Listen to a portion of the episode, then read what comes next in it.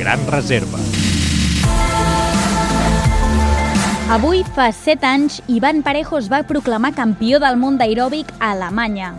El de Terrassa es va imposar la classificació al francès Morgan Jacquemin i a l'anterior campió, el xinès Jing Pinalo.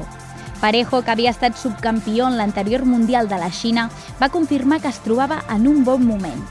Feia només un mes que havia guanyat l'or a la Copa del Món de Bulgària i amb 21 anys ja acumulava dues medalles d'or, una de plata i nombrosos títols a nivell nacional.